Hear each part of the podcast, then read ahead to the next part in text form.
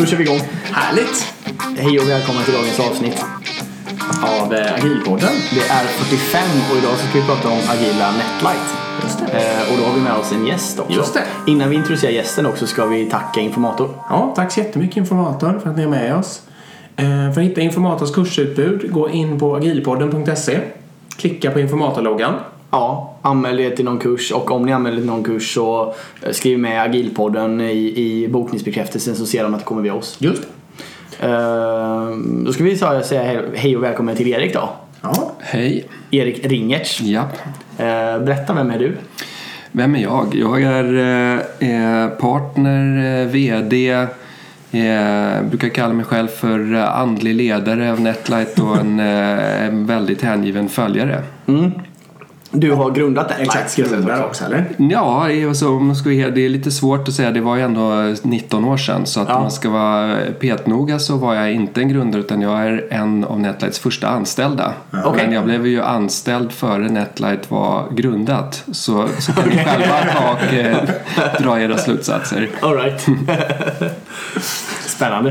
Eh, vem, berätta om dig själv, vad har du för bakgrund? Och... Ja, men min bakgrund, alltså anledning till då för att komma, de som faktiskt grundade Netlight, eh, huvuddelen av dem hade gått industriell ekonomi på KTH och det gjorde jag med. Så, att, eh, så jag kände det gänget från studietiden. Vi hade eh, burit back på klubbmästeriet tillsammans och en av dem var min, eh, vad heter det, så, fösare. Eh, och lite sådana saker. Så vi, hade, så vi hade känt varandra och litat på varandra. Så att på den vägen var det. Eh, före KTH så kom jag, jag flyttade till Sverige från Tyskland faktiskt. Så att eh, ni väl pratar om det här. Det är en av anledningarna till att Netlight finns i Tyskland. Men, eh, men eh, det har ingenting med något efternamn eller min bakgrund. Jag är svensk. Mina föräldrar flyttade till Tyskland på 70-talet och där hamnade jag. Varför gjorde de det då? Eh, Det var faktiskt eh, som så att eh, det var lågkonjunktur i Sverige på 70-talet så att akademiker fick inte jobb medan det var högkonjunktur i Tyskland och då så skrek Siemens efter, efter svenska akademiker så då Okej. så skulle min pappa dit och då sa han fast det går inte för jag har en fru här och då så sa han hon får också jobb. Och sen så åkte de dit. Ja, Och hur länge bodde du i Tyskland då? Eh, ja, så då bodde ju, alltså nu om man ska vara noga så var vi i Sverige ett varv emellanåt och så vidare också. Men, men om man får förenkla så bodde jag i Tyskland till 91. Så jag var 17 när jag flyttade till, tillbaks till Sverige. Okej. Så, att, eh, så det var därför jag drog det så. För sen var det inte så mycket skola kvar och sen gick jag på KTH. Så väldigt mycket av min tid i Sverige handlar om KTH och Netlight. Ja, Okej. Coolt. Ja, kul.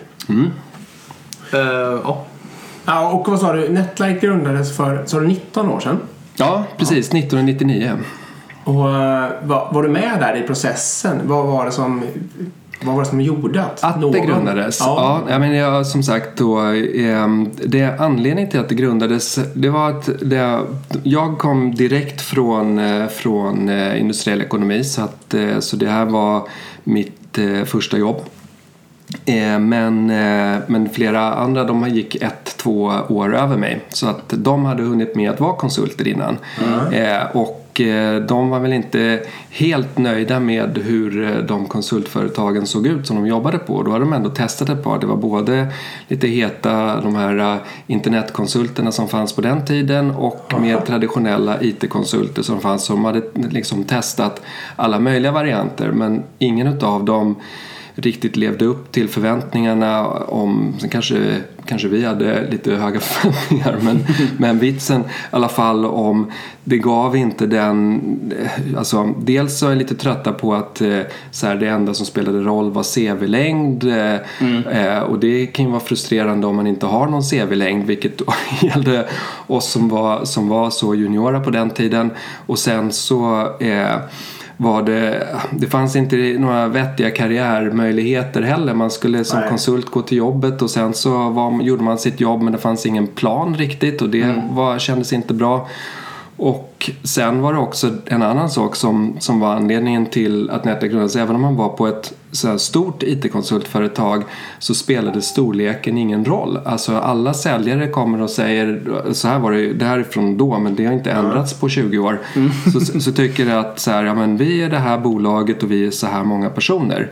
Och då så himlar eh, den eh, liksom beställaren bara med ögonen och tycker att ja, men det spelar ingen roll för jag är ändå bara intresserad i den och den konsulten. Och så då faktum är att den beställaren i de fallen alltid har rätt. För det är i princip, jag vet inget annat företag som har lyckats med att verkligen skapa ett värde i summan av individerna. Och det var lite så att säga, det skulle jag säga var den främsta gnistan kanske som var så här, det måste ju gå att göra det. Ja, vad kul. Jag får bara kolla vad det här vad är. Det, är vi på 90-talet nu? Sent Ja. 90 Ja, det är 99. Är det liksom fram, FAB och sånt där som har potentiella Ja, ja, exakt. Alltså för de, alltså, ska, som man ska vara noga så var det de, de, några av Netlights grundare kom från VM-data. Så det Ja, var mer ja. den, vad heter det, det finns ju liksom inte kvar längre så kan man säga så. Och den andra var para, Parallell. Parallell var så att säga den, de coola, det köptes av Icon. Så, att, eh, så Icon höll ju mer på med webbutveckling och sen när de skulle liksom bredda sig och bli tuffare så köpte de ett bolag som hette Parallell som var mer arkitekter så att de kunde göra svårare projekt. Så därför var det just den här blandningen mellan det, menar 80-tals IT-konsulterna som fanns på den tiden och sen så var det internetkonsulten och inte just Framfab i det här fallet men Icon istället då. Ikon Media Lab. Eh, exakt, det. exakt. Ja, det ringer någon klocka där. Eh, nej, men det här var ganska viktigt för Netlights eh, start. För det, det som var just eh, det här med att vi var så juniora satte väldigt mycket saker som, som i framtiden kommer att prägla det som gör Netlight unikt skulle jag Ja. vilja säga. För att eh, eh, en sak var själva tjänsten. För så här blir det om, för du kan egentligen inte starta ett konsultföretag om det är 25 eller 27 år gammal som liksom var spannet som vi var då. För att eh, liksom, du kan starta Facebook, du kan starta Google, liksom alla disruptiva bolag som startas av studenter. För där kan du hitta på något nytt. Erfarenhet spelar ingen roll. Nej. Men som konsult spelar ju erfarenheten roll. Så, att, eh, så dels spelade det oss ju i händerna att det här var internet heydays så att vem som helst kunde och ville starta företag annars hade det kanske aldrig hänt. Men sen kunde vi ju ändå inte göra det hur som helst och vi måste ju fortfarande hitta eh, vad hur ska vi konkurrera med de här bolagen då? Och då var enda sättet för oss att göra det var att hitta vilket område finns det där det inte finns någon erfarenhet.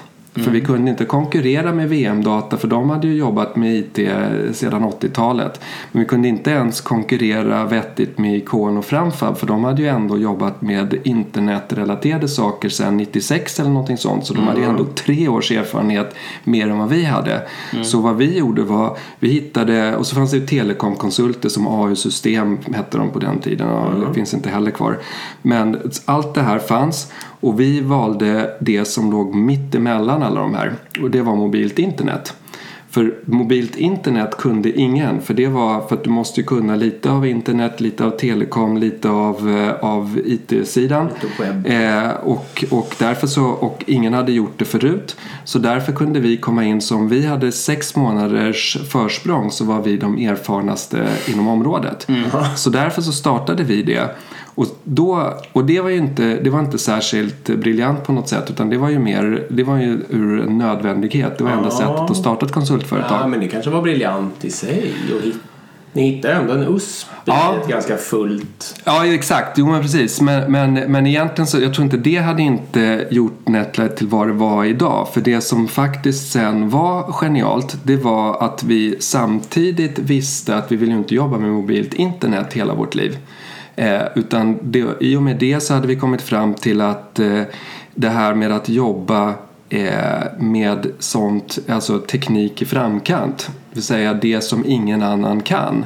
Okej. Varför kan, det kan vi ju fortsätta att göra. Så plötsligt hade vi skapat en helt ny nisch inom eh, IT-konsultbranschen där som man inte definierade inom ett visst teknikområde utan vi definierade vår nisch som den rörliga delen av tekniken, det vill säga det som hela tiden förändras och sen så följde vi med då, om man säga eh, där nya affärsområden dyker upp kring ny teknik. Och det här var jättesvårt att definiera. Det fanns ju inget namn på det här. Du kunde ju var, varje givet tillfälle kunde du säga vi jobbar med mobilt internet och sen så när det fortsatte så kunde du hela tiden benämna det nästa. Fast det gjorde ändå Netlight lite sårbart för många tyckte att eh, men vad gör ni egentligen? Ni är ju fullkomligt oseriösa. Ni jobbar ju, verkar jobba med precis vad som helst. Fast det stämde ju inte. Vi jobbade inte med precis vad som helst. Vi jobbade hela tiden i den här framkanten. Och idag så har det lite mer av ett namn. Idag är det det som heter digitalisering. Så, vi var, så vi var från början så att säga digitaliseringens konsultföretag. Så vi hjälpte de här internetpionjärerna på den tiden så alla de bolagen då som startades i internet heydays var det väldigt många som redan då hade Netlight som konsulter. Och sen så blev det lågkonjunktur och sen efter lågkonjunkturen så startade ju de här personerna bolag igen. Och då var det igen Netlight som var konsultbolagen bakom de här eh, framgångsrika ledande digitala företagen. Men det var ju det som också gjorde att Netlight hela tiden var relativt okänd för den stora massan. För vi jobbade alltid bakom de bolagen som man tror att de inte har konsulter. För vi valde ju att välja de bolagen. Vi sålde inte konsulttjänster på premisserna jag kan något som inte du kan. Det är ju annars det vanligaste. Men vi ville inte jobba med, med de bolagen för det var eh, du får inte göra så roliga saker. Eh, för det är all, egentligen alltid ganska basic om du jobbar med någon så, där det är jag kan något som inte du kan. Och två, eh, vi tyckte att det var tråkigt sälj. Det är mycket roligare att prata med personer som kan något och sen så jobba med dem. Eh, och därför så, och det var, men det var en helt, helt annan approach på konsulttjänster. Ja. Vad spännande. Så du skulle säga att ni höll på med digitalisering innan det hette digitalisering? Om man skulle Ja, definitivt. definitivt. Och jag är helt säker på att det kommer sluta heta digitalisering så det spelar inte oss någon roll. Men just nu spelar oss i händerna att det finns ett namn som folk förstår. Ja, det är klart. Det er affärsmodell blir tydligare kanske. Ja, exakt. Hur eh, gjorde ni sen? För sen började ni växa också. Mm. Liksom, och hur, hur skalar man upp en sånt här? Ja, ja, precis. Exakt. Eller började växa, det är ju en ambition. Så den är också väldigt viktig. För jag tror de flesta bolag växer inte för att de inte har tänkt att växa. Alltså det, det här är, när man startar ett konsultföretag då är det ju det vanligaste sättet är att det är ett gäng, precis som vi, ett gäng personer som går ihop och tänker att det är tråkigt att vara konsult själv. Det är mycket roligare att göra det tillsammans och dessutom blir det effektivare. Man kan dela på lite tråkiga saker. Och då uppstår, liksom, låt oss kalla dem för konsultlådor. Och de kan ju vara Alltså de behöver inte vara så små. De kan liksom vara kanske 50 pers trots allt. Det är fortfarande en, en konsultlåda skulle jag vilja säga. Eh, men det var aldrig vår ambition. Vår ambition var alltid att bli stora. Eh, alltså att vi hade en, alltid en tillväxtambition. Och den tillväxtambitionen var för att vi visste att bara om vi växer kommer vi liksom kunna få en, till en ständig förnyelse. Alltså Netlight, eftersom vi levde i den här, vi ville ju hela tiden leva i den här föränderliga framsegmentet så måste ju vi förändras med den hela tiden. Och den, ett sätt att skapa ständig förändring eh, är tillväxt. Så tillväxten blev liksom ett, ett eh, vad ska man säga, bränsle för förändring. Eh, så det var Tänk- superviktigt. Tänker du ur ett kompetensperspektiv då? Alltså att hitta ny kompetens som kan jobba med de här nya digitaliseringssakerna? Eller handlar det om att du inte vill ha kvar konsulter? Eh. Eller att du vill ha kvar konsulter på de uppdragen de sitter? Förstår du vad jag menar?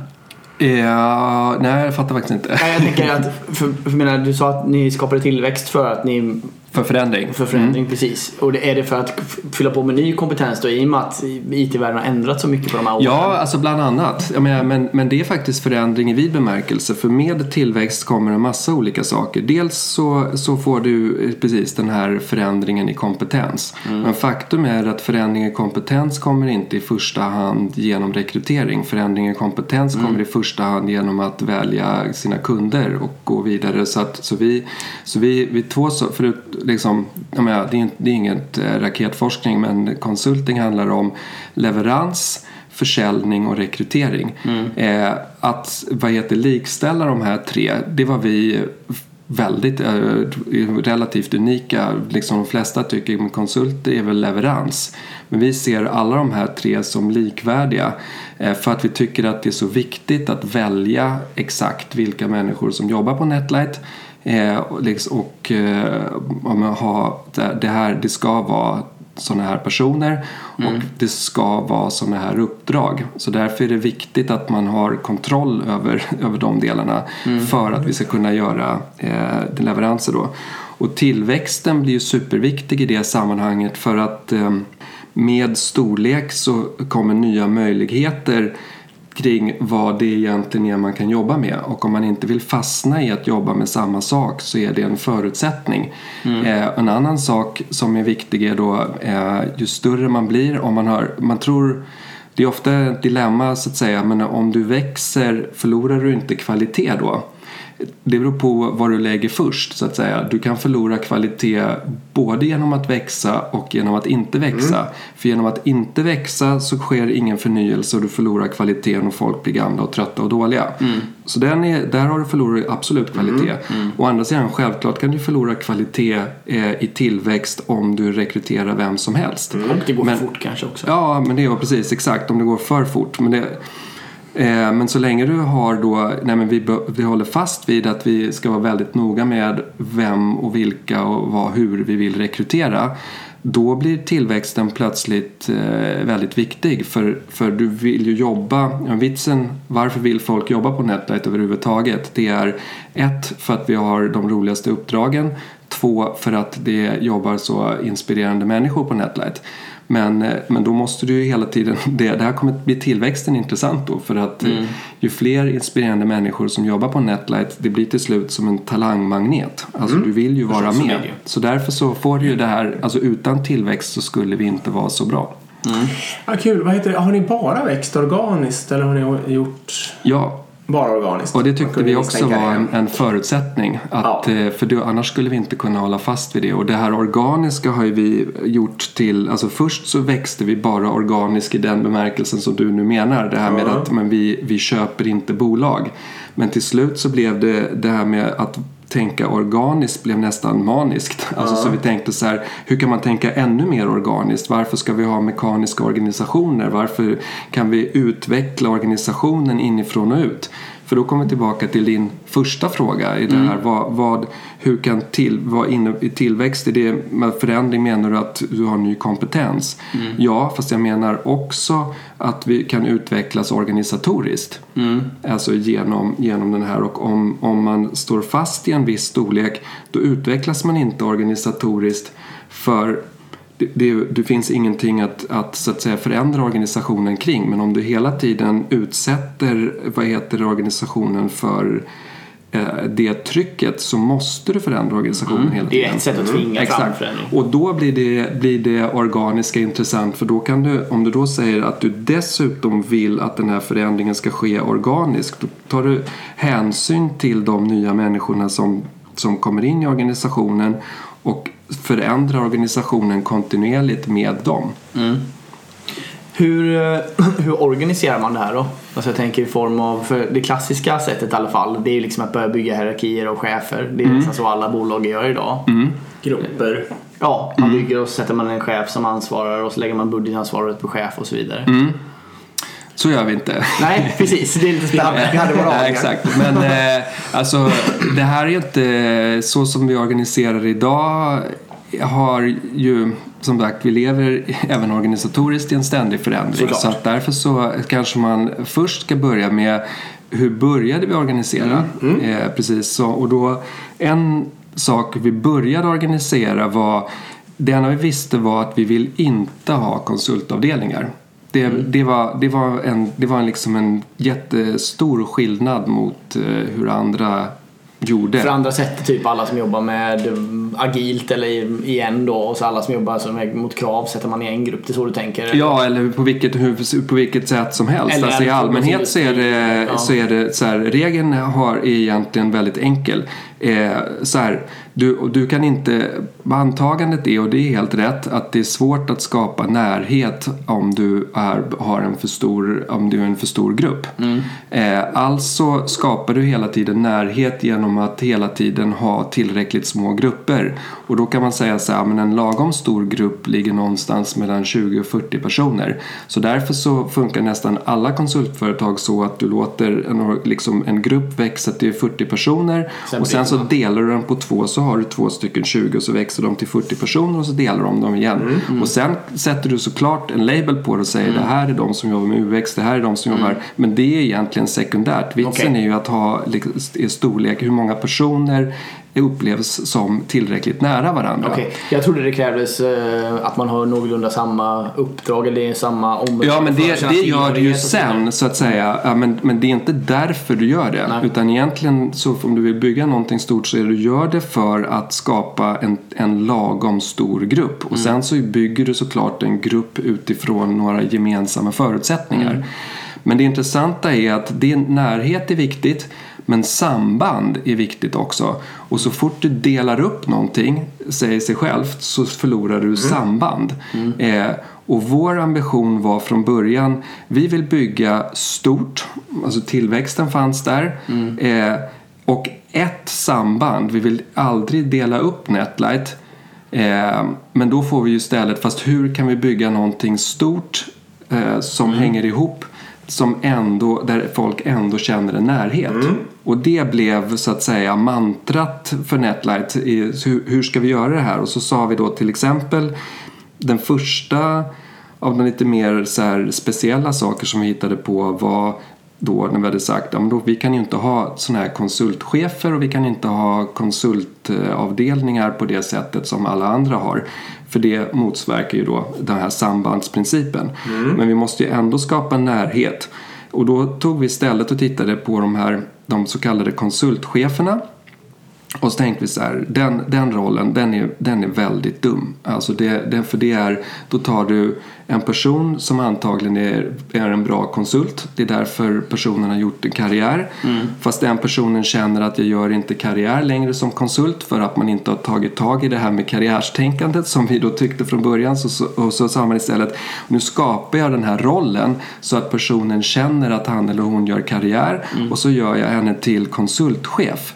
Eh, men då uppstår ju, då tar du egentligen Alltså, I bästa fall är den här personen bra på det men, jag, men antagligen är han eller hon inte ens särskilt bra på det. Så, att, så man tar en, en bra konsult och gör den till en halvbra chef. Eh, vilket bara för att... För det är precis samma sak som alla organisationer gör. jag vet. Fast kanske ändå värre i konsultbranschen. Ja, precis. För, att, för det är den här, äh, det här med att du... Och, och då tänkte vi istället, nej men det måste ju gå... Alltså, var, då felet är ju snarare att ingen har tänkt på liksom att det finns ett behov av att skapa en karriär inom ramen för att vara konsult. Då, Specialistkarriär. Ja, eller vilken karriär som helst. Du kan ju hitta olika, men, men just bara tänk, tänk att den här personen vill inte bara gå till jobbet och idag är jag konsult, imorgon är jag konsult, alltså utan att känna att det händer någonting aktivt. Och då så tänkte vi så här, vad, vad är då vilken roll, vilken del av den här rollen konsultchef är det den här personen behöver som ska göra karriär. Då behöver den personen en slags karriärcoach. Så vi kallade det för mentor. Och så sa vi att eh, vi har seniora personer som är mentor, eller egentligen alltså någon som är seniorare än den andra. Så det här kan vi ha i flera led. Som blir mentor över andra. Eh, men inte den personens chef utan bara som en hjälp för att personen i fråga har möjlighet att reflektera och gestalta sin egen karriär. Eh, men det intressanta då är att eh, eh, då har vi ju med den här mentorrollen, det är ju ett karriär i sig för en senior person att göra den. Så då istället för att personer går och behöver bli konsultchefer så kan de bli mentorer. Mentorer vill vi, vill vi inte heller att de skulle vara mentorer över 20 personer av flera skäl. För ett, det är för mycket folk så att du skulle ha, inte ha tid att vara konsult. Eh, men om vi tar bort det och säger att du blir mentor över fem personer så kan du ha en väldigt nära relation till de personerna så det blir en väldigt bra coach. Du lägger också relativt lite tid på i, förhå- alltså, i förhållande till 20 så att du får tid över. Plus att du har inte allt det andra konsultchefstramset. Du är inte en, en medioker säljare också utan du ska bara ta hand om personens karriär. Ja, precis. Så då så införde vi det. Och det, det här var grunden till en ny slags organisation för vad jag hade gjort då var att vi hade, vi hade istället för att dela upp bolaget hela tiden så hade vi skapat någon slags minigrupper eh, den, som inte var autonoma. För det vanliga är ju också att man delar upp det i så här, nu är 40 personer delar vi upp det i två 20-grupper som är autonoma. Eh, och det är också väldigt mycket ofta organisation förespråkar det. Men vi tog istället och slog sönder organisationen i så här mikroskopiska icke-autonoma stycken. Så det var, vi behöver någon som tar hand karriär är en del i helheten som är viktig. Den löser vi här. Så då får du en närhet i den här gruppen fast sambandet är givet för det du håller på med är helt meningslöst utanför den stora kontexten. Så, att genom att, så det, det är ett helt annat sätt att se på hur man delar upp bolag. Och om du fortsätter att tänka så och göra så så kan du bygga det jag sa. Någonting som är väldigt stort och som är sammanhållet och nära samtidigt. Rätta mig om jag fattar fel här nu, men det man får någon slags, eh, jag höll på att säga spindelnät eller spagetti eller något sånt där, där man, eh, de funktionerna som normalt sett skulle ha lösts i en hierarkisk organisation, de löser man på, eh, låt oss säga 51 olika sätt då, kors och tvärs beroende på vad som för stunden är bäst, helt situationsanpassat egentligen. Eh, Exakt. Men kanske på ett strukturerat Ja, sätt alltså, så blir att folk känner till det liksom. Ja, och, och i vissa fall så kan det ju vara bestående och då så finns det där under lång tid. Men i vissa fall kan det på riktigt, som du säger, vara helt situationsanpassat så att, det, så att det bara uppstår och försvinner. Men du träffar en jätteviktig punkt där. För, det, för då, för det här var ju, som nu liksom, det här var var det kom ifrån. Så här vill vi göra, vill göra, stort och tajt.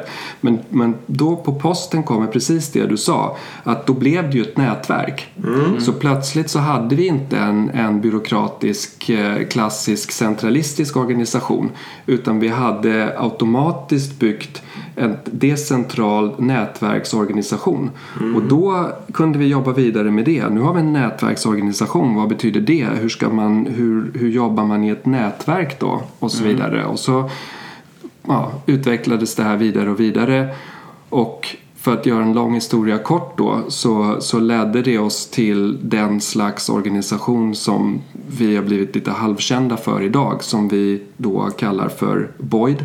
Eh, det vill säga att bygga en organisation som egentligen mer liknar en flock eller en rörelse än en hierarkisk maskin. Eh, för det är det som händer i, i det sammanhanget att du istället får, och det är då du hamnar i det här läget med har ni chefer, inte chefer så att säga. Det, då blir det ju en, själv, det är en självstyrande organisation för en flock är det som skiljer en flock från en, en, en organisk flock från en hierarkisk eh, mekanisk organisation det är att varje individ i en flock fattar, sin, fattar egna beslut. Eh, så att du har ingen utpekad chef, du behöver ingen utpekad chef. Men, och då kan man, men det som håller ihop flocken är att förutom att du fattar dina egna beslut så tar du alltid hänsyn till alla andra.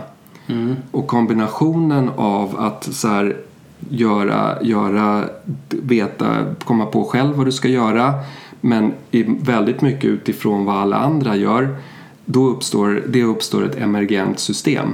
Och det som egentligen istället för att prata om chefer eller inte chefer för det, för det blir liksom i, i flocksammanhanget blir det betydelselöst. Så när jag får frågan har ni chefer eller har ni inte chefer så får jag den frågan från en person som är låst i ett mekanisk organisation.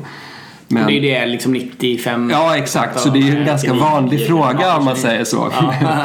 men, eh, men det som händer är att den, den principiellt största skillnaden mellan en mekanisk organisation och en organisk organisation det är synen på ledarskap. Eh, för att eh, mekaniskt, det vill säga i 95% av alla organisationer, så delar du in världen eller dina medarbetare i ledare och följare. Så du säger du är ledare över de här 20 personerna. Och sen kanske det går i flera led så att du Ja, kan mycket väl vara personer som är liksom i ett sammanhang är de ledare och i ett sammanhang är de följare men i varje sammanhang är de bara ett utav dem för att man har bestämt sig för att det här måste separeras. Men det måste det inte alls utan egentligen är det alltså det mer naturliga sättet, det organiska, det är att betrakta att ledarskap och följarskap går inte att skilja åt. Utan du är egentligen alltid ledare och följare samtidigt. Och det är det det här flockbeteendet är. Då är det, du är ledare så tillvida att du fattar ditt beslut själv men du vore dum om du inte i första hand tog reda på vad alla andra gör. Så funkar ju faktiskt lite större familjer och sånt där. Och kanske även mindre familjer. Men framförallt större familjer och kanske även stora vän...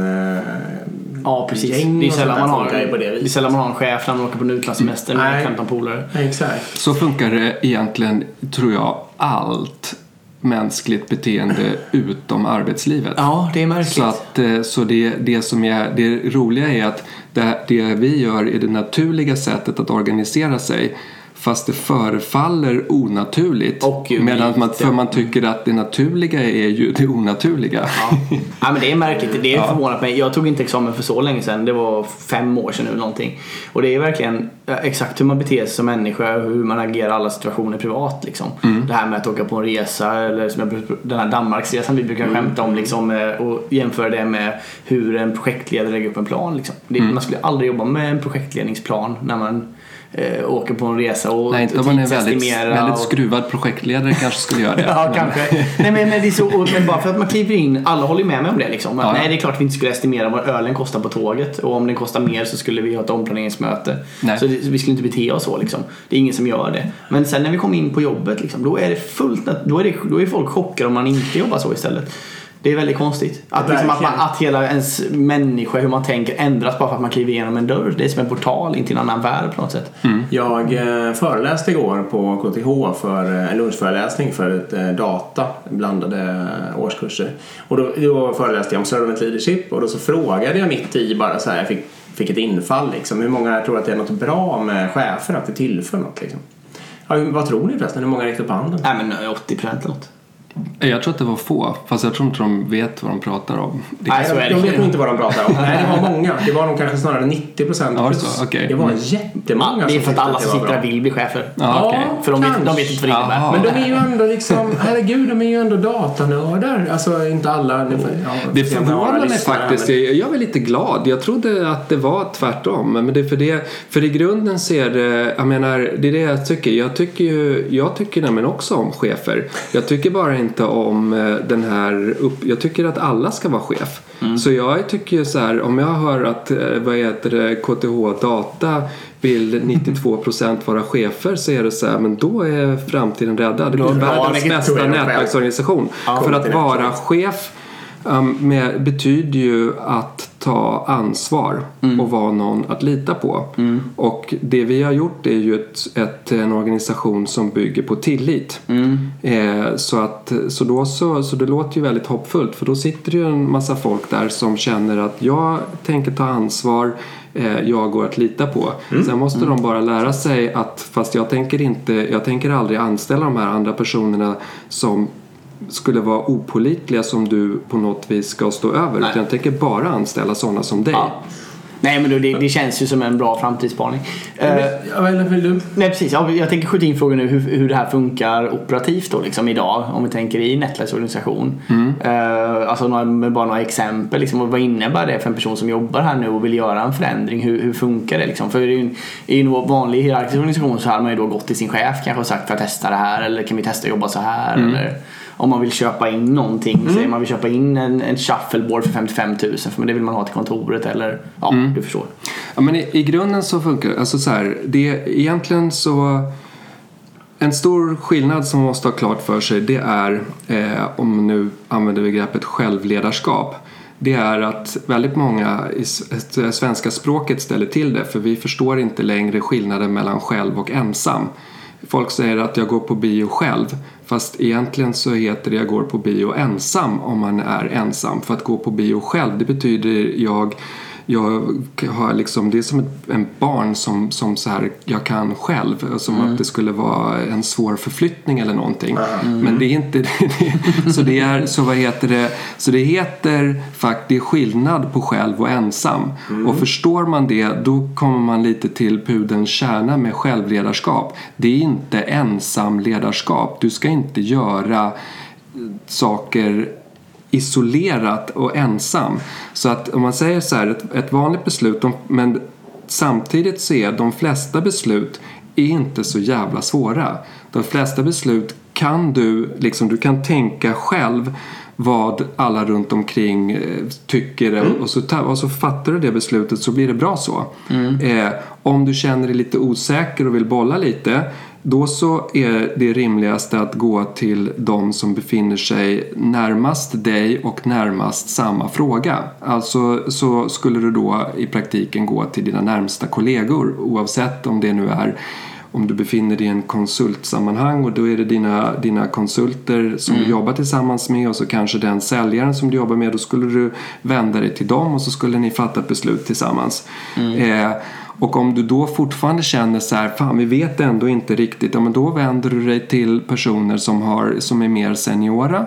Eh, men inte för att det är sagt, inte för att du, det, liksom, det är hierarkiskt bestämt att du ska gå till den personen utan den personen, du behöver ett seniort perspektiv. Så den stora skillnaden är eh, att du ber om råd istället för att be om lov. Mm. Så i praktiken, det ser inte så vansinnigt annorlunda ut men det är en revolutionerande annan tanke, inställning till varandra. Mm. Så då om du då ska köpa ett shuffleboard för 55 000 mm. då kanske det är ett beslut som ligger ovanför. Då måste du ändå ha ett värde för rätt många personer på Netlight för att det ska vara värt 55 000. Det, mm. det, kan, det kommer du på själv mm. och då är det ju läge att ta reda på, alltså antingen kan du fråga tillräckligt många men det är ett väldigt ineffektivt sätt att göra det på. Mm. Eller så vänder du dig till några seniora personer och kollar så här, okej okay, är det här rimligt rimligt, vad ska vi göra och så vidare. Men, men den stora skillnaden är beslutet är fortfarande ditt. Mm. Det, det, här är inte... Men säg då att jag, jag, jag gjorde en snabb survey vid kaffemaskinen. Mm. Där, och där visade sig att 100 pers är skitsugna på att spela shuffleboard-turnering med mig på torsdag kväll. Liksom. Mm. Och det tror jag är en teambuilding-aktivitet som kommer skapa mycket värde och sådär. Mm. Så, så jag, jag, har en känsla nu och jag kanske har bollat det med en senior person som, jag, som har varit min mentor då, låt säga. Uh, så, så jag känner ändå att nej, men okej, det, här, det här verkar bra. Nu ska jag liksom. köra. Ja, nu kör vi på det här. Hur, hur gör jag då rent? Ja, men om du har gjort det. så här, jag kan inte säga om det. Jag tycker fortfarande att det verkar, shuffleboard för 55 000 verkar helt meningslöst. Det kan vara dumt. Men, men, men så därför är det svårt. Men samtidigt så här, att anta att det, att det är väldigt bra. Ja, ja, så är det så, här, så är det, då är det bara att gå iväg och köpa den. Ja. Alltså det är inte svårare än så. Eh, och för, men, men här kommer vi till en annan sak som är jätteviktig. Det är eh, i centralistiska organisationer, alltså det vill säga då de här 95 procent, då är, de är helt, allting handlar om att fatta beslut. Men faktum är att beslutsfattande, det stämmer inte att det är det enda. Det är igen en sån här att man är upphängd. Finns det chefer, finns det inte chefer? Vem fattar beslut? Mm. Det är så, beslut det, det, egentligen så finns inte beslut uteslutande. Det finns bara beslut, handling, beslut, handling, beslut, handling. Mm. Och du kan faktiskt fokusera på det ena eller andra. Så det sättet vi eh, organiserar på det är mer anpassat efter att det, det är handling som är det viktiga.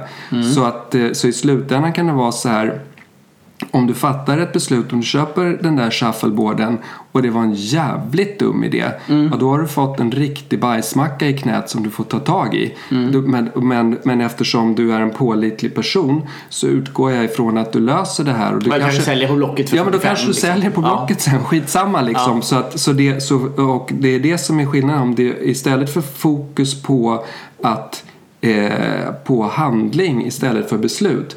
Då blir, det, då blir det bra för det är där det händer egentligen. Mm. Medan det här, det betyder inte att man ska, alltså, men det är ju bra att försöka fatta bra beslut för då så slipper du bajsmackor i knät. Mm. Men, eh, men, eh, men den här övertron på att om vi lägger ner vansinnigt mycket tid på själva beslutsfattandet så kommer vi. Nej, fatta nej, rätt visst. beslut. Nej, det är idioti för Ja. det finns inte rätt beslut. Nej.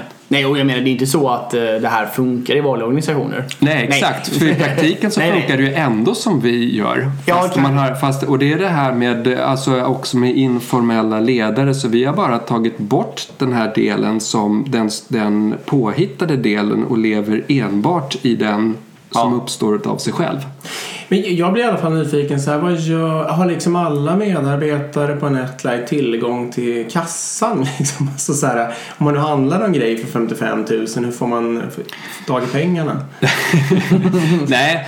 Eh, men det, det, det har vi inte exakt, eh, men det har inte jag heller. Alltså, så det är ju mer en praktisk fråga. Så, alltså, de, som att, eh, att eh, hur, hur ska vi hantera utlägg? Men Ja. alltså, så här, jag har inte ens tänkt tanken klart då. Men det, det är mer, det vore, bara, det vore bara jobbigt att inte ha personer som jobbar med utlägg till exempel. Så det är ju mer det. Men vad jag, var efter det, förlåt.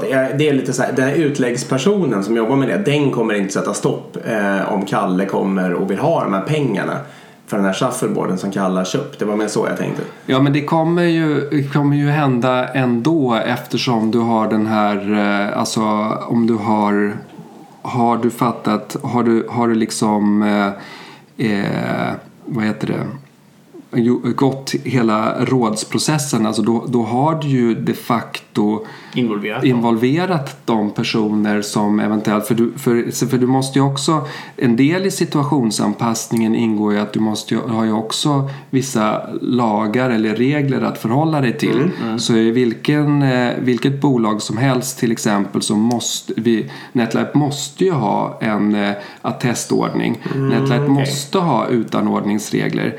NetLife måste ha en VD till exempel. Det är annars en, en vanlig fråga. Så du kan, Måste man ha VD? Ja, i Sverige måste man det. Är det så? Jag ja. tror det räckte med att ha styrelseordförande. Ja, men en viss storlek eh, Ah, måste du ha det. Precis. right. Eh, men, men exakt, du har helt rätt. Så att det kan vara olika vilket man, vilket man måste ha. Det är olika i olika länder också Exakt. eftersom vi har det. Men, det men, då så, men i grunden är det eh, för jag får ju också frågan då, men vad betyder det för dig? Eller det är lätt för dig att säga som är VD, du bestämmer ju ändå allt. Men det är inte, jag bestämmer ju inte allt. Eh, det kanske jag gör, fast då är det utifrån, eh, utifrån min senioritet i bolaget som faktiskt bidrar med någonting. Den, den delen av mitt jobb som jag skulle kalla för VD-jobbet. Det är ju en roll som ska utföras enligt bolagsordningen. Det är inte mm det är inte så, det är en min, mikroskopisk del av, av det jag gör. Och det andra jag gör det skulle jag teoretiskt kunna göra utan att vara VD. Sen kan man ju fråga sig om jag hade fått den här senioriteten och så vidare men det är en helt annan sak. Ehm, så, att, eh, så på så sätt ser det att, eh, att eh, ja, situationen kräver att det finns utanordningsregler, situationen kräver att det finns en attestordning, den förhåller vi oss till Eh, Men det är som att förhålla sig till vilka andra yttre omständigheter som helst. Absolut. Jag tänker en fråga till på organisation innan vi går vidare. Ehm, och det är egentligen hur, hur funkar det nu? För det, finns ju någon form av struktur då i hur man avgör senioritet. Jag antar att det är någon form av det finns en trappa eller det finns benämningar på man är 1, 2, 3, 4 eller det heter någonting. Och så antar jag att det finns en lön kopplat till det också. Eh, är det transparent för alla vad, alla vad alla har och så vidare? Och, Ja. ja. Eh, så är det. Och det, det där är ju intressant för egentligen så är det eh, man skulle ju kunna tänka att man inte men behövs den trappan då för om det ändå är så att jag ska liksom, jag kan väl välja själv vilken, vilken senior person jag vänder mig till. Och så är det ju faktiskt. Alltså du kan ju välja själv eh, varifrån du, men, men om man tänker sig om man är ett bolag på 1200 personer då är det rätt svårt att veta vilken, vem som är vem och vad du kan förvänta dig för svar när du vänder dig till en person. Så att det är väldigt bra ändå att ha. För annars brukar det heta, men hur kan ni ha eh, hierarki på det viset? Alltså för det är ju ändå hierarkiskt på det Ja, viset. det det. Men det är en omvänd hierarki eftersom du har den här, det, det rådfrågande i det. Och om du inte hade det skulle ju bli ett så här ad hoc rådfrågande till folk. Har du en aning? Har du en aning? Och det är inte så meningsfullt. Så att det hjälper processen. Jag förstår. Hur, hur, hur, hur, hur uppgraderas man i den där? Eh, det görs, eh, det är alltså lite för, för långt för att få med i podden. Men, men i princip så är det, det är i alla fall, du har inte, det finns ju ingen lönesättande chef. Nej. Eh, så att det, så, men du kan inte heller samla 1200 personer för att fråga vad tycker du? Nej. Utan istället så gör vi det genom att vi samlar alla de här mentorerna och sen så lägger vi alla personer som är på samma nivå bredvid varandra och graderar utifrån det och ser de här personerna tror vi levlar upp till nästa nivå, de här personerna tar ett steg inom den här nivån så att säga. Och på så sätt så skapar vi någon slags objektiv vy av eh, liksom en stor massa subjektiva åsikter. Så det är inte en, det är inte, din mentor har liksom inte en budget att ge dig, jag har 4% att Nej. jobba med och så kan jag ge dig 5 och dig 3. Utan du, vi följer den här, det här systemet Eh, lönerna på en nivå är satta, det, de är som de är och alla vet vilka de är. Och sen så sitter, och om liksom en mentor har ju väldigt bra koll på sina adepter plus att man har koll på folk runt omkring. Så tillsammans kan man skapa en väldigt rättvis bild av liksom olika individer i sammanhanget. Och då sätter vi det så. Spännande. Alltså, det känns som att man skulle prata om det här jag måste, jag måste fråga en sak. Ja, väljer man själv sin mentor? Om man väljer sin mentor? Ja. det kan man faktiskt göra. Eh, Det är lite blandat. Alla ska ju ha en mentor så det finns ju en tilldelning för att annars skulle det inte, inte riktigt funka. Men det är inte så att du är fast med din mentor. Så, att, så när, när, när det börjar en ny person till exempel då så tar vi reda på vem skulle kunna vara en bra mentor. Då frågas ju till exempel mentorn också. Vill du, kan du, har du tid, funkar det så att säga. Och det är det första och så blir den tilldelad. Det är en match. Ja, det är en matchning helt Oh, enkelt. ja. Precis. Och vi tittar på den också i samband med det här. Vi gör den här uh, lönesättningen då. Sker två gånger om året.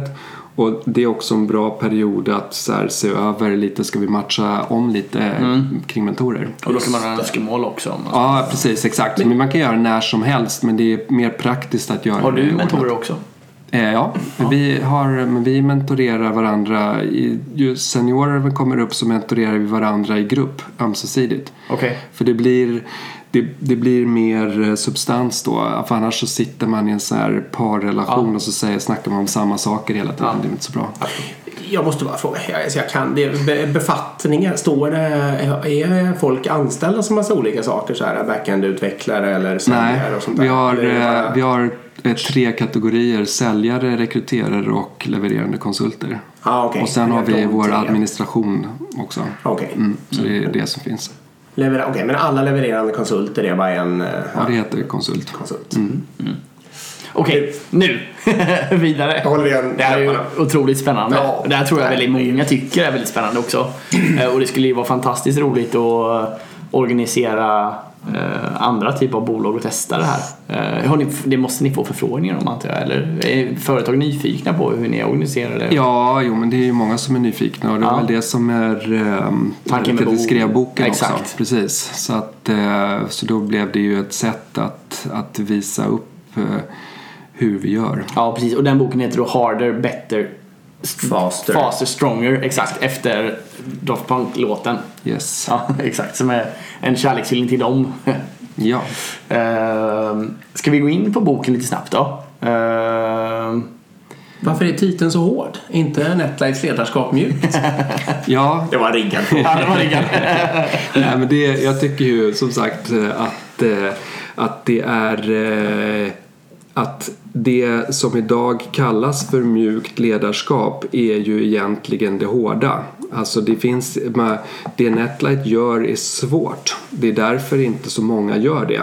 Och att så att säga den kärleksfulla miljön som vi måste ha för att, för att det här ska funka och för att man ska, liksom tillit bygger på, på, eh, på kärlek i slutändan.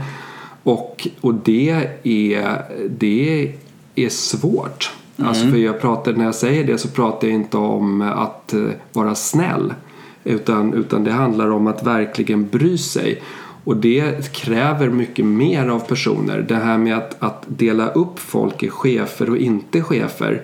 Det är ju vansinnigt bekvämt. Ja, alltså det, är, är superbekvämt mm. att säga så här, ja men det där är chefens sak att göra. Ja, det är inte mitt ansvar ja, utan man skjuter Och tvärtom också, mm. att cheferna kan säga, vems ansvar var det här? Alla mm. bara skjuter ifrån sig och för att det, det är härligt. Mm. Så det är mjukt. Mm. Ja. Du menar det här är hårdare då på så ja, sätt? Ja, vårt är hårt för vårt kräver ju varje persons ansvarstagande. Mm. Det är ju stenhårt. Mm. All right. För flockens bästa så att säga. Och för flockens bästa. Det är ju ett tillägg i det. Så att, ja, nej, det är... Eh, men så, men så profiterar man ju av det också. Så att, det är inte, så, du, så att alla får ju skördas frukterna men det är också allas jobb. Mm. Vem är det som tar fram de här? Jag antar att håller ni er med en vision sådär som är känd bland alla? Eh, kring hur, alltså i största allmänhet eller? Ja, med, ja. med Netlight som helhet. Ja, inte för no, jordens ja, ja, okay. Nej, men jag tänkte på organisationen och så vidare. Eh, alltså, organisationen har vi ju nu senast eh, satt en, en bild kring och det här som vi kallar, alltså det att vi kallar den för Boyd det bygger på eftersom vi IT-konsulter så gillar vi program och Boyd är, en, är ett program som simulerar fågelflock. Så därför så tyckte vi att det var, det var ett bra sätt, lätt för oss att förstå okay. eh, sammanhanget så att säga. Och, och, så, att, så vi håller oss ju med sådana bilder kan uh man säga. Och vi matar organisationen med nya bilder varje år. För en sak som är speciell i en organisk organisation är det vore motsägelsefullt om det fanns en centralistiskt sätt att sätta en strategi och ja. säga att så här ska det vara. Mm. Och nu ska, för då ja, har man ju plötsligt då har man ju satt ett glastak ja. där ändå. Mm. Eh, men däremot så, eh, alltså, och strategi är, och egentligen så, det är inte heller svårt att släppa strategi. För om du säger så här, du, alla måste ha en strategi i det de gör. Eh, och sen så i det lilla som i det stora beroende på om det nu var att eh, köpa en shuffleboard eller om det var något enklare, någonting ännu större mm. så att mm. säga. Så, och, men strategi är ju bara att kunna ställa eller tänka ut svaret på frågan varför. Mm. Och det anställer du begåvade människor så är de eh, förmögna och särskilt om, du, om allting bygger på samarbete och rådfråga så ska man nog kunna komma på det svaret. Och även affärsutveckling slipper du. Affärsutvecklingsavdelningar det var någonting, det, det tyckte vi eftersom vi var IR från KTH allihopa så hade vi, hyste vi ett affärsutvecklarförakt. För det var det alla IR ville bli. Mm. Så att, ja, men det är nog sunt att göra. Och det, är, det är svaret på frågan vad. Så, att om vi, så både affärsutveckling och strategi kan du liksom väldigt lätt lägga på folk och utgå ifrån att alla har förmåga att svara på frågan vad och varför. Mm. Men för att ha en gemensam ram, vad är det som är viktigt just nu? Eh, vad vill vi fördjupa oss i så brukar vi lägga en bild om året och Boyd var en sån bild. Alltså där var, men nu måste vi liksom gå till botten med hur den här nätverksorganisationen egentligen ser ut. Och då så så allt det jag pratar om idag, det hade jag egentligen inte en aning om före vi bestämde ordet Boyd. Och sen började folk gräva i det och så blev det vad det är idag. Och sen levde den bilden vidare. Mm. Ehm, och eh, ja, och så, och så är det. Så, så, där, så den, den lanserar vi varje jul faktiskt så kommer det en ny och sen så följer vi upp den under året och utifrån det så kan Netlights utvecklas vidare fast inifrån. Okay. Otroligt spännande. Vad är, respektive, vad är bästa respektive sämsta sättet med att göra så här? Vad är det bästa ni har fått ut av det så att säga? Vad är det sämsta ni har fått ut av det? Det är ju extremt eh, effektivt. Mm. Alltså det, vi är ju, växer snabbast och är lönsammast bland eh, IT-konsultföretag. Ni måste ha väldigt lite administrativa kostnader. Ja, precis. Alltså, framförallt så kan vi ha vi jobbar väldigt mycket. Ja, precis. Administration, rätt mycket beroende på vad man menar med admin. Vi har ju administration, det tycker Jo, vi är viktigt för det blir det bra jag. kvalitet. Säljare, rekryterare tycker vi är viktigt så att säga. Men vi, gör, vi sitter inte i onödiga möten. Nej. Så vi har, vi har mer tid eh, att göra bra saker. Så, så, det, så det är ju fördelarna. En annan fördel med eh, Nätläts organisation är att det ens går att uppnå eh, exceptionella resultat. För alla så här mer kontrollerande system eh, som bygger på att jag säger till dig vad du ska göra leder till förutsägbara resultat. Nämligen att du kommer i bästa fall göra det jag säger till dig och antagligen lite mindre för att du inte kan. Men, eh, men om du istället släpper det fritt så får du, kommer du få mycket högre utväxling för att du kanske kan gå mycket längre än vad jag kunde föreställa mig. Eh, och det kommer du göra. Eh, och om du inte gör det så kommer det ändå bli bättre än vad det hade varit om jag hade sagt till. För, att, för du kommer ju aldrig kunna göra mer än vad du kan. Så att hela det här, många tror att om jag säger till då jävla blir det åka av. Men det kommer alltid bli sämre. Så det är det bästa. Eh, det sämsta är att eh, det är ju svårt. Alltså det, det, det kräver ju ett otroligt underhåll. Det är också ty, tyvärr det är också lite kan vara svårt att förstå. Alltså så att eh, så ofta i, i det vardagliga så funkar det och vi har ju lärt oss och vi jobbar så här. Men eh, som jag sa då att det, det är viktigt med ständig förändring. Och med förändring så kommer ju hela tiden då, då, då vill man så att säga hantera det nya och då är vi programmerade på det viset att vi faller oundvikligt tillbaka i det mekaniska. För så har det sett ut i 300 år. Eh, så det, att upprätthålla det hela tiden, det kräver lite jobb. Ja, precis. Ni måste upprätthålla det gentemot resten av eh, samhället på något sätt. Ja, men också kommer gentemot in- oss själva. Alltså för, det, för även vi då känner att men nu funkar det här mentorsystemet, skalar inte, vad ska vi göra nu? Och då så är det, det är oerhört förföriskt att åka tillbaka till det. Och så måste man ta sig själv i kragen och säga nej, hur löser vi det på rätt sätt? Och, då, och det kräver hela tiden, alltså det, det finns alltid den, det blir alltid bättre. Det är inte så svårt sen heller, men det kräver den ständiga påminnelsen. Just det. Men här, är du, står det, är du konsult?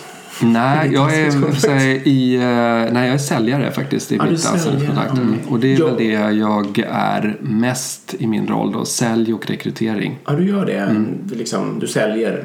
Okej. För jag tänkte även de som så att säga, är du på den högsta nivån i den här Ja, mentorstrappan precis. så att Ja, säga? exakt. Och Och, de, då är det, och det är, eh, vi är 23 andra som man förstår storleken på det. och där finns det konsulter eh, Ja. också förstås. Ja, och de det gör är på riktigt. intressant. De Mm. levererar på riktigt Ja, eh, precis. kod eller vad de nu råkar vara bra på. Ja, men också, så exakt. säga. Mm. Så är det. Så det finns ingen ledningsgrupp i den bemärkelsen som andra har. Vi har inte en, en CFO och en HR-chef och så vidare. Utan, det är, utan man, man, behåller sitt, man behåller sitt skrå och sen utvecklas man liksom i den här senioritetsgraderna. Ska vi... Rek- rekryterar ni in till eh, de höga nivåerna också eller bygger ni bara underifrån? Nej, vi bygger bara underifrån. Vi rekryterar eh, Alltså, vi har, det, du kan komma in på olika erfarenhetsnivåer men, men det är ändå någon av de första erfarenhetsnivåerna för att för sen så för om du ska vara den här personen som ska kunna rådfråga Så så måste du ju ha det, den här netlight-erfarenheten ska man inte underskatta. Så till slut så går det liksom inte att ta det utifrån. Nej, jag förstår. Hur många nivåer är det? Ja, bra fråga. Ja, men jag säger det till... Ja, ja, Okej, sju. men det är något Ja, exakt. Ja, men det räcker med storleksordningen. 7-8 ish. Mm. Eh, Framtidsbarnen? Ja, vi måste framtidsspana lite Ja. på konsultbranschen också. Avslutningsvis här. Eh, vad, vad, vad tror du om framtiden med konsultbranschen? Ja, jag tycker IT-konsultbranschen ser ju, eh, är ju, ser ju vansinnigt ljus ut. Alltså, jag, så det, det tror jag, ja, precis. ja, men det tror jag. Sen så, jag menar, det beror på vilken ända vi ska prata i. Sen är det ju eh, framtiden har, eh, finns lågkonjunkturer som står mm. framför, framför dörren. Alltså, på lång sikt finns det flera både låg och högkonjunkturer men de, mm. det får man inte, jag skulle inte fästa mig vid dem utan det, utan det måste man se längre och sen så ha en uppfattning, okej okay, vad, hur, vad har vi för, för plan hela vägen mm. eh, att jobba med då. Men det, det, det, det tror jag är viktigt att tänka på. Eh, konsultbranschen som sådan, ja, ja, jag tror ju, jag tror att det är, eh, det är lite en eh, renässans eller, eller faktiskt renässans är inte det är att det går i vår riktning. Vi skapade en slags konsulttjänst som jag upplevde i alla fall var relativt lite ovanlig. Eh, för vi sa från början att vi vill inte uppfattas som externa. Mm. För det, det ganska vanligt sätt att se på konsulter mm. är ju att titta på interna och externa. Mm. Och vi ser inte att vi kan, liksom, vi kan inte förverkliga eh, kundens visioner om vi, inte, om vi inte blir en del av deras organisation. Så att den här ömsesidigheten i, mellan, mellan eh, eh, kund och konsult som vi hela tiden har drivit på den tror jag är, finns det en högre förståelse och acceptans för och flera som, som tar efter det. Mm. Eh, det, det tror jag är en men hur ser trenden ut? Jag tänker köpa, för jag kan tänka mig nu då att det är mer teamleverans än att hyra ut en konsult på timme liksom som är trenden ändå. Mm. Och även kanske ta helhetsansvar för leveranserna, mer typ managed service eller du förstår vad jag menar? Ja, jag, jag vet faktiskt inte, jag kan inte uttala mig rent trendmässigt men, men vi skulle inte göra så.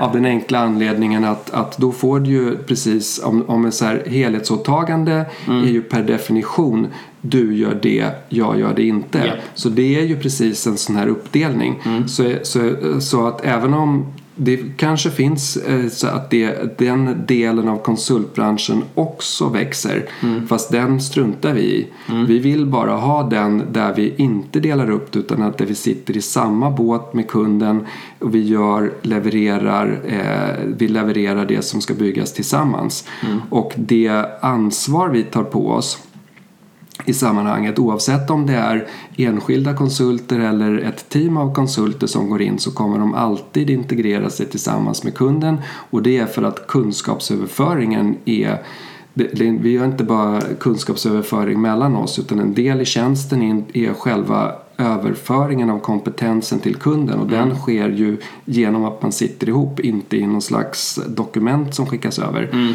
Men vad heter det, tar ni betalt, affärsmodellen idag, är det att uh, ta betalt per arbete ja. timme liksom? Ja. Det är inte konstigare än så? Nej. Det tänker ni troligtvis fortsätta med då? Ja, alltså, det spelar ju egentligen ingen roll, så här, men, det, men det är en väldigt enkel affärsmodell som är lätt att förstå ja. som, som, uh, som kunder gillar och som inte stör oss men det, det tycker inte jag det, det, definierar inte tjänsten.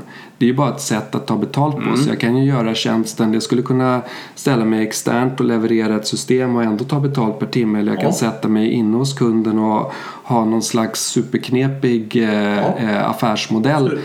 Men så att det är, den, det är den enklaste affärsmodellen som de flesta, som, som många liksom eh, både, både konsultföretagen och kunderna gillar. Mm. Så, att, så vi kör på det i alla fall.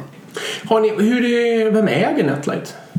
Eh, ja, det är, eh, det är massor med folk som äger Netlight. Men Netlight ägs eh, Dels ägs den av eh, sina grundare, sen ägs den till eh, relativt stor del av anställda och sen ägs den till Ytterligare en del ägs av eh, en massa externa personer som, som var med och investerade i Netlight för urminnes tider. Men in, det är inget noterat bolag Nej. utan all handel är liksom har skett ja, precis, mellan individer. Mellan individer. Mm. Eh, och för den som börjar på Netlight idag, har den någon chans att bli delägare? Eller mm. inte på något automatiskt sätt i alla fall? Jo, utan, jo varje år faktiskt så, så släpper vi eh, så emitterar vi aktier så att, så att eh, man kan bli delägare. Eh, så att det, det är en del i, i det hela. Ja. Har ni någon vinstdelning? Nej, inte ut... Ja, det kan man säga i och för sig. Vi har, vi har, vi har vår lönemodell är till viss del fast och till viss del variabel. Mm. Men den variabla är inte individuell eftersom vi inte strukturellt ju inte vill ha eh, fostra individualism. Så det är ju kollektiv eh, variabel lön. Och därför så är ju den variabla lönen kopplad mer eller mindre till resultat. Så på så sätt är det en vinstdelning fast den vinstdelningen sker Mm. månadsvis. Den är väl också ganska liten relativ grundlön. Ja, exakt. Det, grundlönen ska vara så hög så att det är där, där, är jag, där, där har, jag, 5-10 har jag bra procent eller något betalt. sånt där. Eller hur? Eh, Ja, 10 är det nog för Ja. ganska vanligt. Vi kan bara säga ish, Mm, bara så folk exakt. förstår. Liksom. Ja, för jag menar, exakt. väldigt många konsultbolag har ju tvärtom-upplägg. Liksom, där man lägger Ja, grundlön på väldigt 20 låga. och sen har du debiteringsfaktor som ligger Mm. Ja, nej, nej, nej precis. Nej, utan, utan nej, vi tycker nog att det är bra med... eh, det- Den ska egentligen, är den mest till för att skapa en... eh, Alltså skapa transparens. Mm. Det är ett väldigt bra sätt att, att alla kan vara med i hur det går. Just Mm.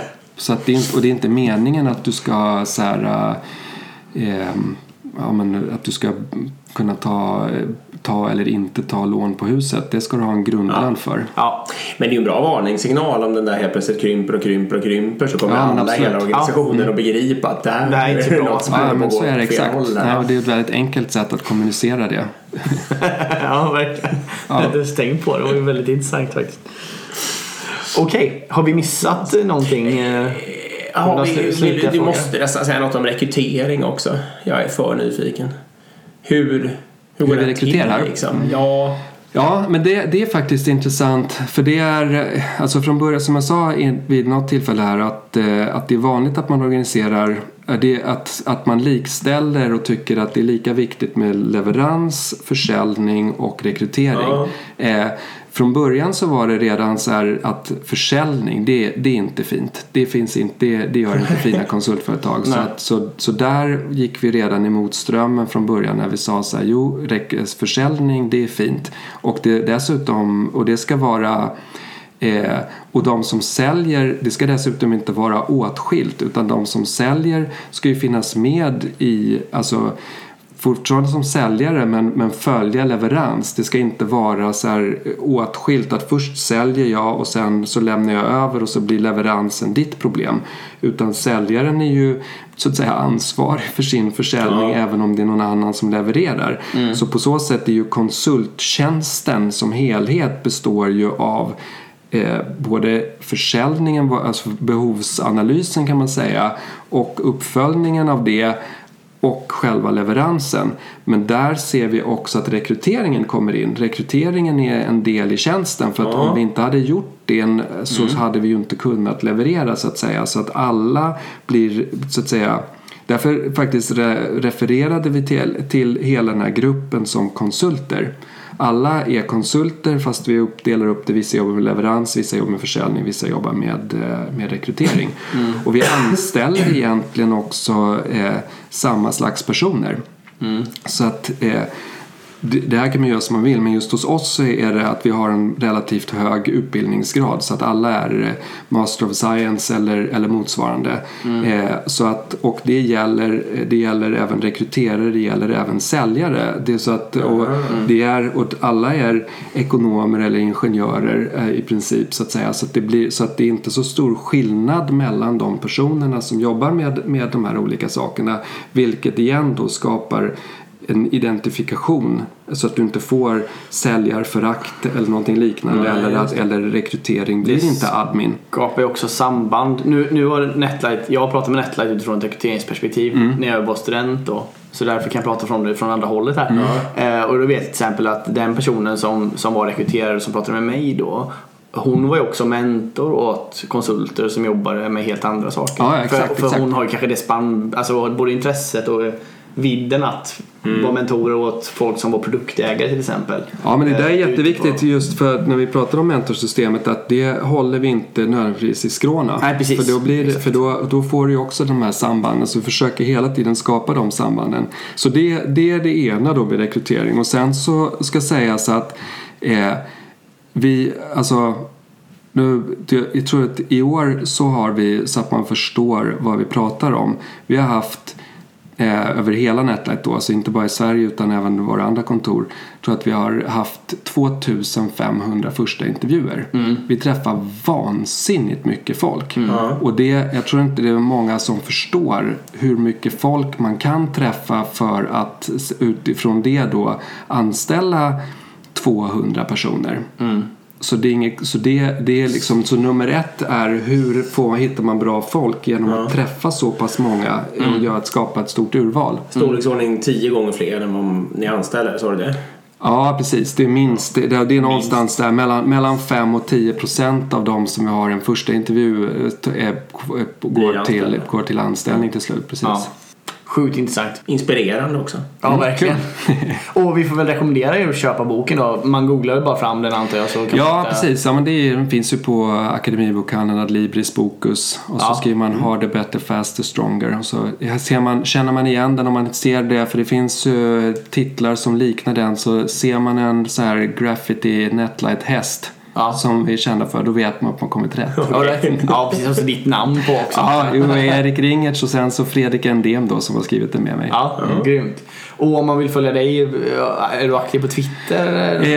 Eh, aktivast eh, är LinkedIn och Instagram. Okej, då så. Då får man följa dig där. då. Absolut, det är bara att köra. Ja. Grymt. Samma som Eh, oss. Ja, egentligen precis exakt. Vi Följ oss på Instagram. Instagram, Agilpodden heter vi där. Där får Ja. gå in och följa oss också. Ja. Vi försöker lägga upp lite roliga bilder och klipp och så. Vi ska gärna ta en bild på det också om det är okej. Så kan vi lägga upp det där. Ehm, och sen så kan man mejla oss om man vill oss någonting på agilpodden.gmail.com. Just det. Om ni har frågor, vad som helst egentligen. Bara mejla in förslag på ämnen, gäster eller och så vidare. Och har man frågor till dig också så kan man skicka in dem där så kan vi vidarebefordra dem också. Härligt. Tack så mycket för att du kom. Ja, verkligen. Stort tack. Tack informator för att ni är med oss. Ja, och tack till alla ni som lyssnar. Ja, verkligen. Hej hej! Ja, hej. Hej.